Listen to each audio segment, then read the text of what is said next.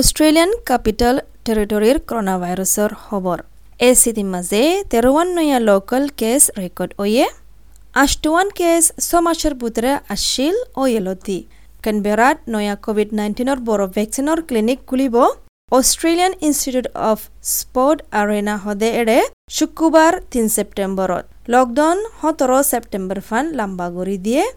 R নয়া পাওয়ান্দিয়কল লাগাইব। বিশেষবারে হাজিনা পাঁচা budget তুলতি। আরও জানত মনে হলে করোনা ভাইরাসের বাবদে তোমার জবানের মাঝে যাইশ W W W dot S P S dot com dot A U slash coronavirus